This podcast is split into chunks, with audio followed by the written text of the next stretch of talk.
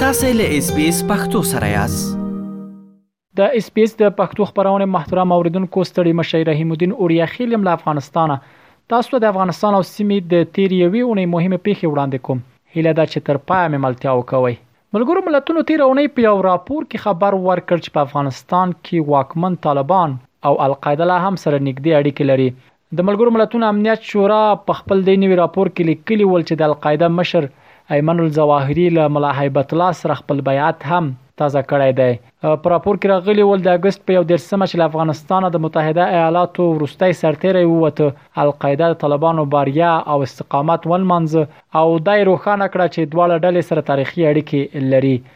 راپور کې دا هم راغلي ول چې القاعده ډله په افغانستان کې له هغو پرمختګونو راضي ده چې په تیر شلو کلونو کې اټکل کړی وو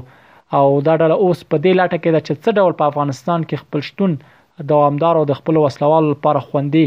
پټنځایونه برابر کړي د ملګرو ملتونو پر راپور کې ویل شوی وو چې د دوی معلومات ښایي چې د القاعده مشر ایمن الظواهری له زابل تر کونړ پورې سیمو کې او ډیورن کرښې ته څیرمه کې اوسېږي د ملګرو ملتونو د امنیت شورا په راپور کې په افغانستان کې د داعش ډلې حضور او فعالیت ته هم اشاره شوې او راغلي ول چې 2021 کال له اګست راهیسې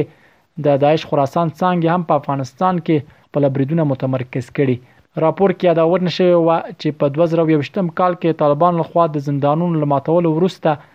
داعش ډله وتوانېده چې لا ډېر کسان خپلو لیکو ته جذب کړي خو سره له دې ټولو موضوعاتو وسلوال طالبانو بیا د ملګرو ملتونو د امنیت شورا دا راپور ردوي او وایي چې دوی بیا واکمنېدو سره نړۍ او سیمه ته له افغانستانه د هر ډول ضرر پیښېدو مخه نیول شوې دوی دا ډاډ هم ورکړی چې طالبان نړۍ سره په خپلو ژمنو ولاړ دي او اجازه نه ورکوي چې د افغانستان خاوره د چا پر ضد وکارول شي د یادونې ده چې د ملګرو ملتونو امنیت شورا داسې مهال په افغانستان کې د القاعده او داعش ډلو فعالیت ته اندېښمن ده چې واک ته د طالبانو تر رسېدو وروسته افغانستان کې د ناامنیو څپو او چاودنو زور موندلی.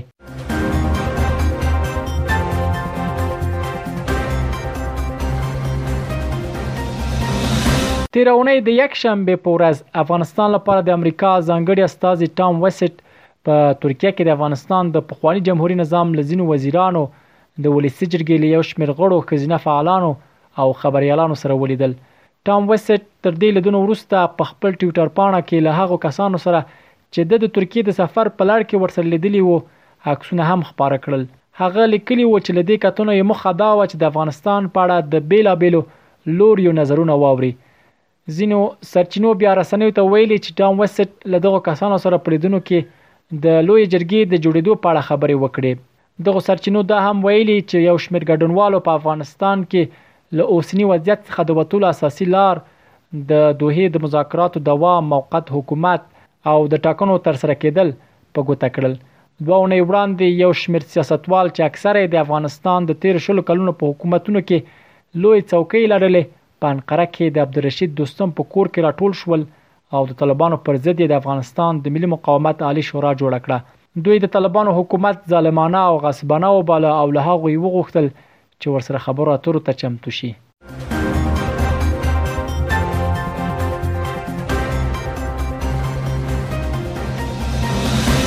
تېره اونۍ د افغانستان په اړه د اروپايي ټولنې استازو او د منځني اسیا هېوادونو چارواکو د دې هېواد په چارو کې پر یوې ګډې تګلارې خبرې وکړې. په دې اړه غونډه په الماتا کې وشوه. د افغانستان لپاره د اروپايي ټولنې ځانګړي استازي توماس نیکلسن چې دې غونډه کې ګډون کړی و، وویل چې دوی د افغانستان د هر اړخیز وضعیت او په دې اړه یوې ګډې تګلارې ته د رسېدو په اړه په دې په غونډه کې بحثونه وکړل په دې غونډه کې غاغلي نیکلسن په ګډون د منځني اسیا لپاره د اروپایي ټولنې ځانګړي استازي ترهي هاکالا په نړیوالو همکاریو کې د قزاقستان د جمهور رئیس ځانګړي استازي ایرزان غازي خان او د ترکمنستان، ازبکستان او قرقیزستان چارواکي هم د غونډې ګډونوالو ول ښاغلي نیکلسن په خپل ټویټر پاڼه لیکلي و، دوی ټینګار کړی چې په افغانستان کې نجونې او ښځې باید وکولی شي ښوونځیو ته ولاړې شي، کار وکړي او په عامه ژوند کې په بشپړه توګه برخه واخلي. په ورته وخت کې په نړیوالو همکاریو کې د قزاقستان د جمهور رئیس ځانګړي استازي هم وویل چې په دې ناسته کې پر دې بحث وشو چې اوس مهال په افغانستان کې د ثبات لپاره په اغېزمنه توګه د یو لړ مسایلو حل او په دې برخه کې ګډو هڅو ته اړتیا ده. د منځني اسیا لپاره د اروپایي ټولنې ځانګړي استازي تریه هاکالا دا غونډه د افغانستان په اړه د مرکزي اسیا هېوادونو او اروپایي ټولنې د مخکنیو ناستو دوام وباله او ویې ویل، دوی پر هغو پالیسیو خبرې وکړې چې په افغانستان کې د ښځو او نجونو د ازادۍ حقونه اغېزمنوي. خو په ټوله کې دا غونډه داسې مهال کېږي چې همدا یوه اونۍ وړاندې تاجکستان کې د افغانستان په اړه د منځني اسیا هیوادونو د امنیت شورا سلاکارانو ناسته وکړه او په هغه غونډه کې ټینګار وکړ چې په افغانستان کې امنیت د ټولو گاونډیو او سیمو هیوادونو په ګټه دی.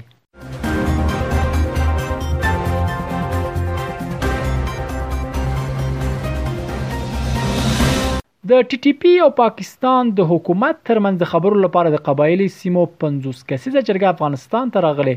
د راپورونو له مخې په دې پلاوي کې د وزیرستانانو، ورکزیو، کورمې، خیبر، مومند، باجوړ او ملکند په ګډون د بېلابېلو سیمو مخور شامل دي چې مشري یې د مشرانو جرګې یو پخوانی غړی مولانا صالح شاه کوي.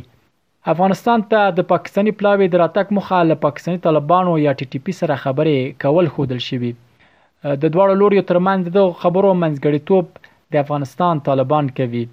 د روانو خبرو د اجنډا په اړه تر دې دمه هیڅ څه نه دي ویل شوي خو افغانستان ته د پاکستاني پلاوي تر راتګ یو ورځ وروسته پاکستاني طالبانو بیا خبر ورکړ چې کابل ته د ورغلې دوه ورځني جرګې پایله کې د دې ډلې مشرتابه تر بل امر د اوربند اعلان کړی دی. دې ډلې دا هم ویلي، چې په خبرو اترو کې د نور پرمختګ په پار به دا ډول ناستې په راتلونکې کې هم ترسره شي. بل لور ته له پاکستانه کابل ته دراغلې جرګې ګډونوالو بیا رسنیو ته ویلي،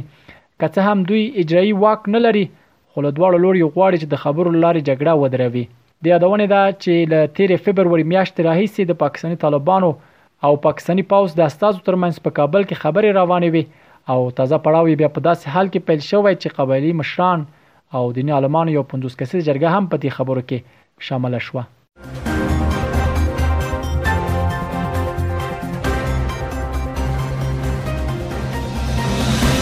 د تیر اونۍ د پای موضوع دا چې تیر اونۍ د لومړي ځل لپاره پر افغانستان د طالبانو تر حاکمیت وروسته د هند د بهرنی چارو وزارت یو لوړپوړی پلاوی کابل ته راغی کابل ته د هند د پلاوي د سفر موخه له افغانانو سره د هند د بشري مرستو بهیر څارل او په دغه هیواد کې د هند په مرسته د پیل شوو پروژو څخه لیدنه او له افغانستان سره روغتیايي برخو کې مرسته وه. د هند د بهرنیو چارو وزارت دغه پلاوي کابل ته د خپل سفر په ترڅ کې د وسلهوالو طالبانو له لوړپوړو چارواکو سره هم لیده کاته وکړل. په دغو لیدنو کې دواړو لوریو یو بل ته په بېلابېلو برخو کې د همکارۍ ډاډ ورکړ. د هند پلاوی داسې مهال کابل ته راغلی و، لکه څنګه چې مې مخکې په راپور کې وویل، د پاکستان د قبایلي سیمو د قومي مشرانو او سیاستوالو یو پلاوی کابل کې دی او له پاکستاني صلبانو سره د سولې خبرې مخ ته وړي. هند او پاکستان چې په خپلو خبرو کې د اوږدې مودې تربګنۍ لري، هر یو یې هڅه کوي چې افغانستان کې حاکمې نظامونو ته نژدې پاتې شي خو دا چې د طالبانو حکومت به له دغو رقیبو هېوادونو سره خپلې ګټې، ګټې او اړیکې څه ډول مدیریت کړي، دا به د وخت په تېرېدو سره جوته شي. دا ول د افغانستان او سیمې د تېرې یوې اوونۍ مهمې پېښې چې ما تاسو ته وړاندې کړې. تر بیا ښې چارې. اس پی اس پختو په فیسبوک کې تا کې پلی مطلب یې خوښ کړئ نظر ور کړئ او له نورو سره شریک کړئ.